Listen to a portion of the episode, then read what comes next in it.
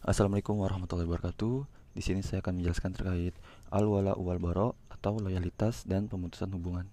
Di mana loyalitas di sini bagaimana sikap kita sangat loyal terhadap apa yang Allah perintahkan dan apa yang Allah larang dan pemutusan hubungan di sini adalah kita memutuskan semua hubungan kita terhadap uh, jin, terhadap setan, terhadap syirik besar, syirik kecil, terhadap orang yang uh, berlindung kepada setan, kepada orang yang menyembah berhala kepada setan dan sebagainya. Pokoknya intinya pemutusan hubungan dengan hal-hal yang dapat menjerumuskan kita kepada nerakanya Allah. Nah, di kalimat la ilaha illallah di sini ini adalah kalimat yang sangat unik ya. Kenapa sangat unik? Karena di dalam kalimat la ilaha illallah itu memiliki uh, susunan la lalu yang keduanya adalah ilah ya. Jadi yang dikendaki adalah peniadaan semuanya ya maksudnya peniadaan semuanya itu adalah ilah-ilah selain pada Allah itu sendiri. Lalu dan kedua adalah pengokohan satu saja ilah ya pengokohan satu saja yaitu Allah. Nah dalam kalimat ini kita tidak boleh kompromi ya kita harus setuju kita sudah setuju kita harus yakin dan kita pun tidak boleh mengkompromi dengan hal-hal yang dapat mengusik dari syahadat itu sendiri. Nah, lalu dalam kalimat ini juga kita harus menghilangkan ya, membersihkan diri kita, membersihkan sifat-sifat kita terhadap sifat-sifat yang dapat menimbulkan syirik itu sendiri. Entah itu menduakan Allah, entah itu kita kita berlindung kepada selain pada Allah dan lain sebagainya. Ya, intinya kita harus menghilangkan atau membersihkan diri kita dari hal-hal yang seperti itu.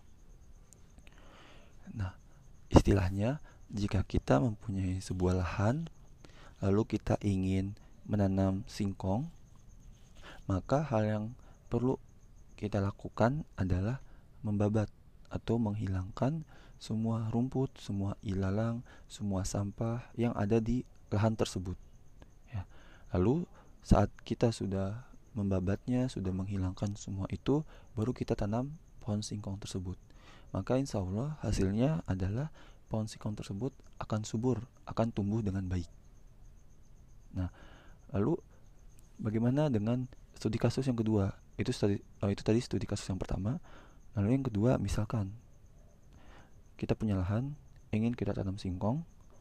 Nah, lahan itu kita babat ya dari rumput, ilalang, kita bersihkan juga dari sampah. Tapi kita lupa untuk menanam singkong kita lupa untuk menanam pohon singkong tersebut. Maka hasilnya apa? Hasilnya tanaman yang sudah kita babat itu akan muncul kembali.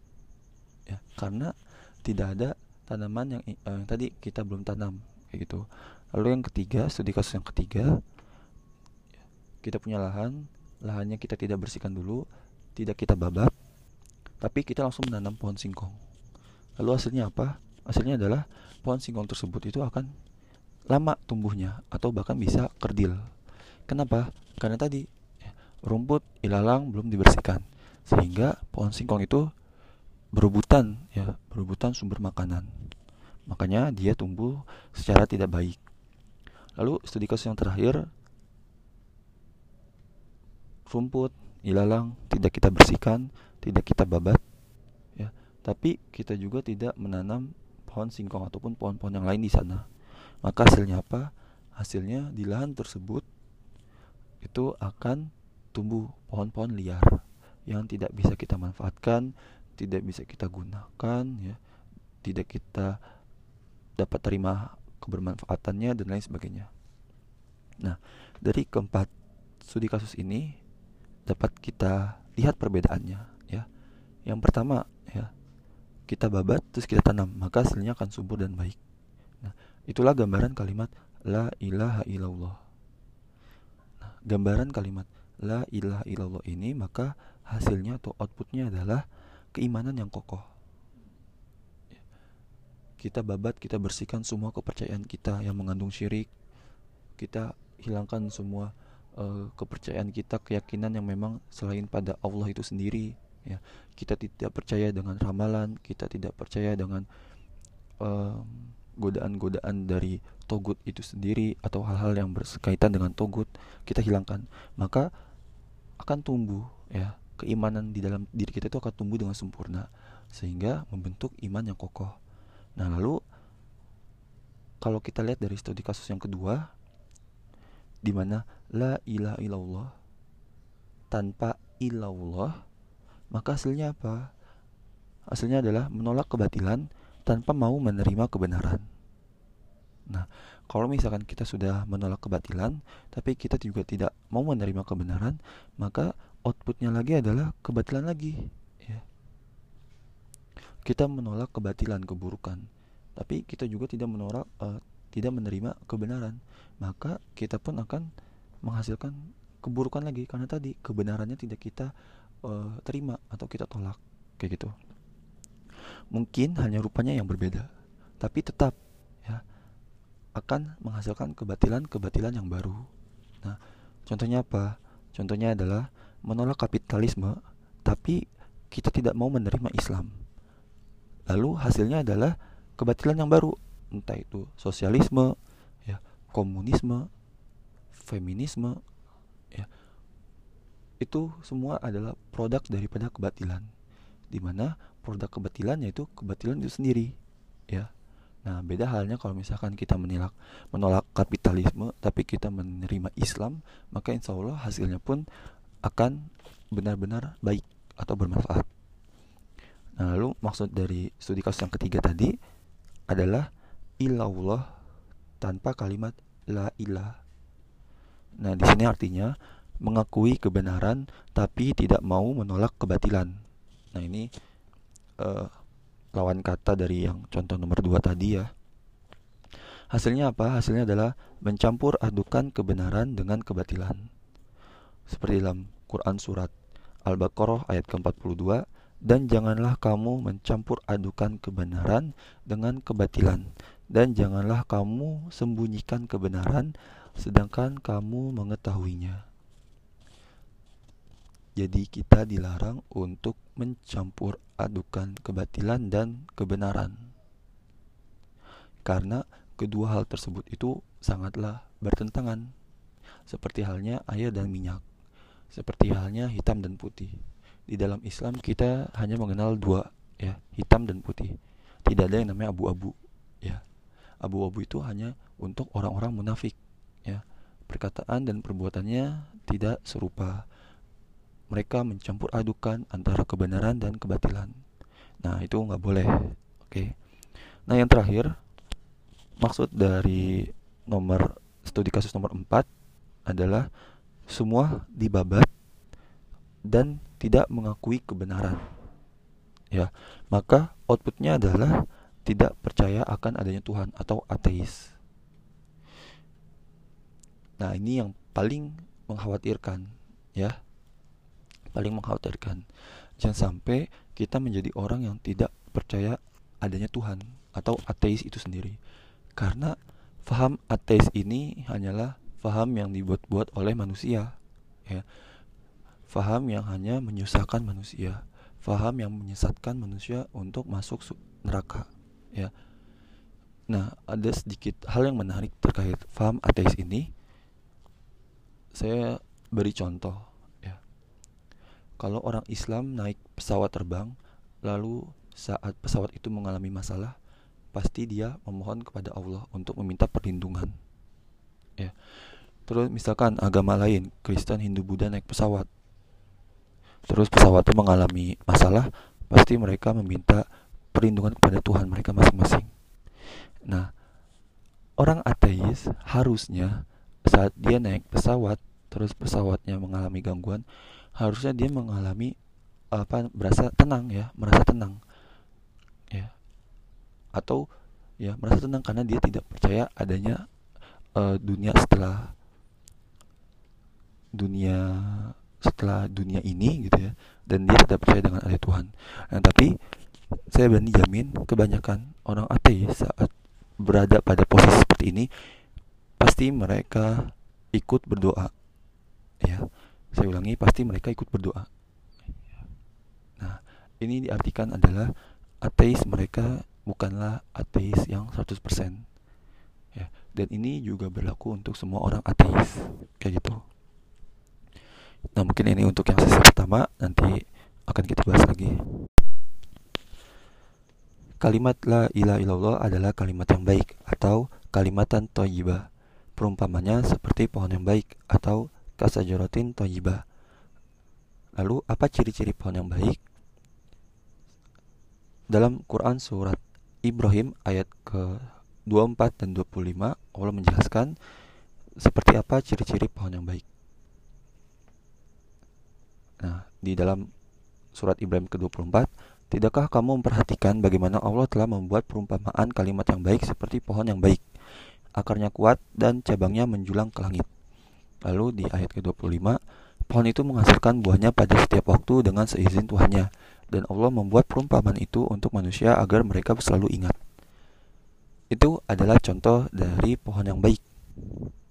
Nah, coba kita coba bedah satu persatu ya, di mana pohon yang baik itu memiliki akar yang kuat atau akar yang kokoh. Asluha sabit. Nah, akar yang kokoh ini adalah syarat sebuah pohon itu dapat hidup atau tumbuh dengan baik. Di mana seperti yang kita tahu, akar adalah tempat menyerap makanan, menyerap unsur-unsur zat hara yang ada di tanah untuk sehingga nanti diolah di oleh pohon itu sendiri. Nah, fungsi akar juga ada lagi yaitu mengikat pohon ya agar pohon tersebut tidak gampang roboh.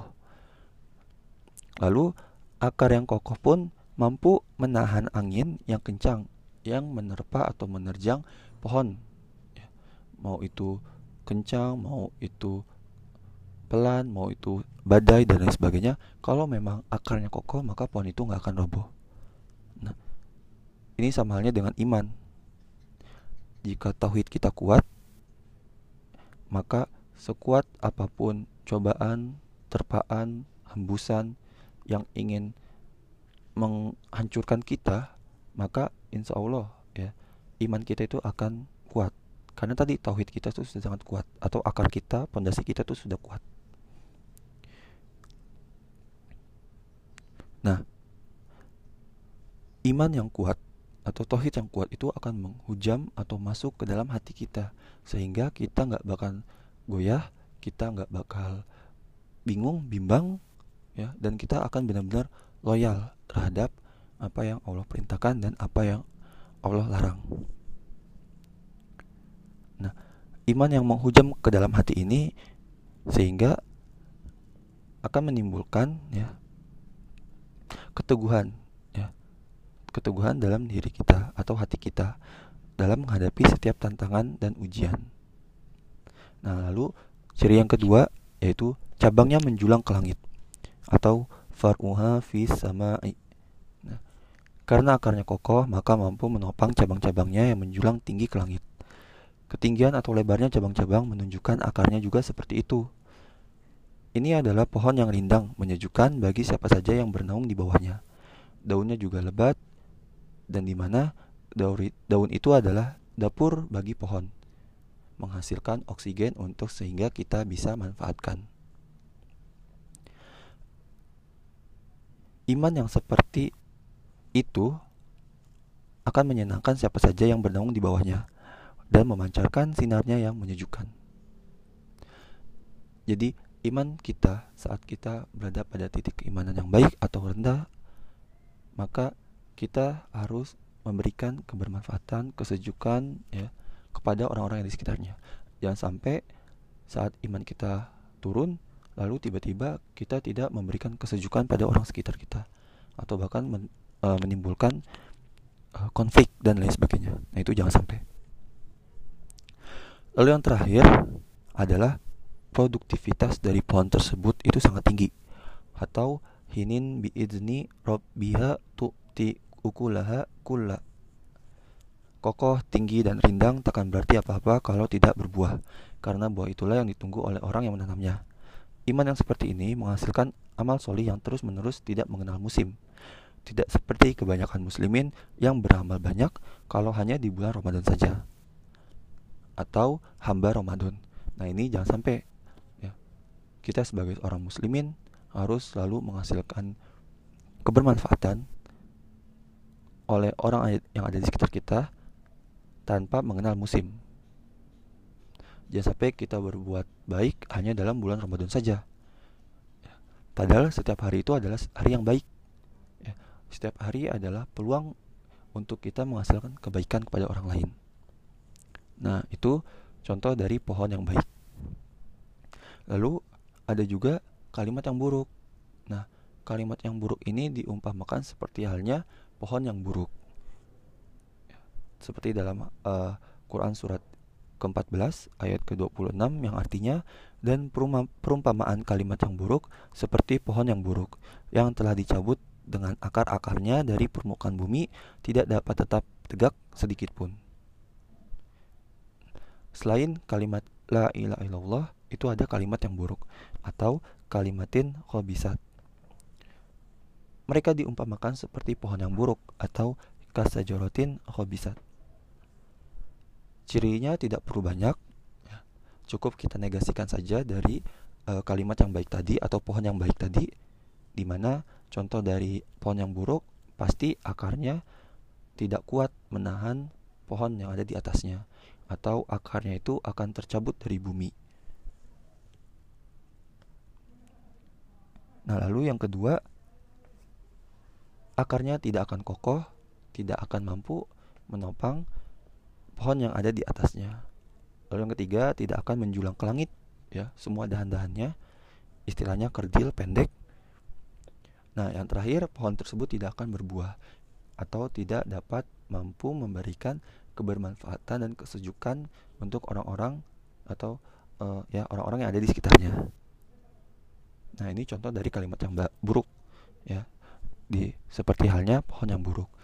Jadi, jangan sampai kita malahan mengeluarkan kalimat-kalimat yang buruk sehingga orang-orang yang ada di sekitar kita itu merasa resah, merasa tidak nyaman, bahkan bisa menimbulkan konflik kepada diri kita sendiri. Nah, jika kita tidak mampu berkata baik, maka lebih baik kita diam daripada kita berkata buruk sehingga menimbulkan fitnah ataupun konflik itu sendiri.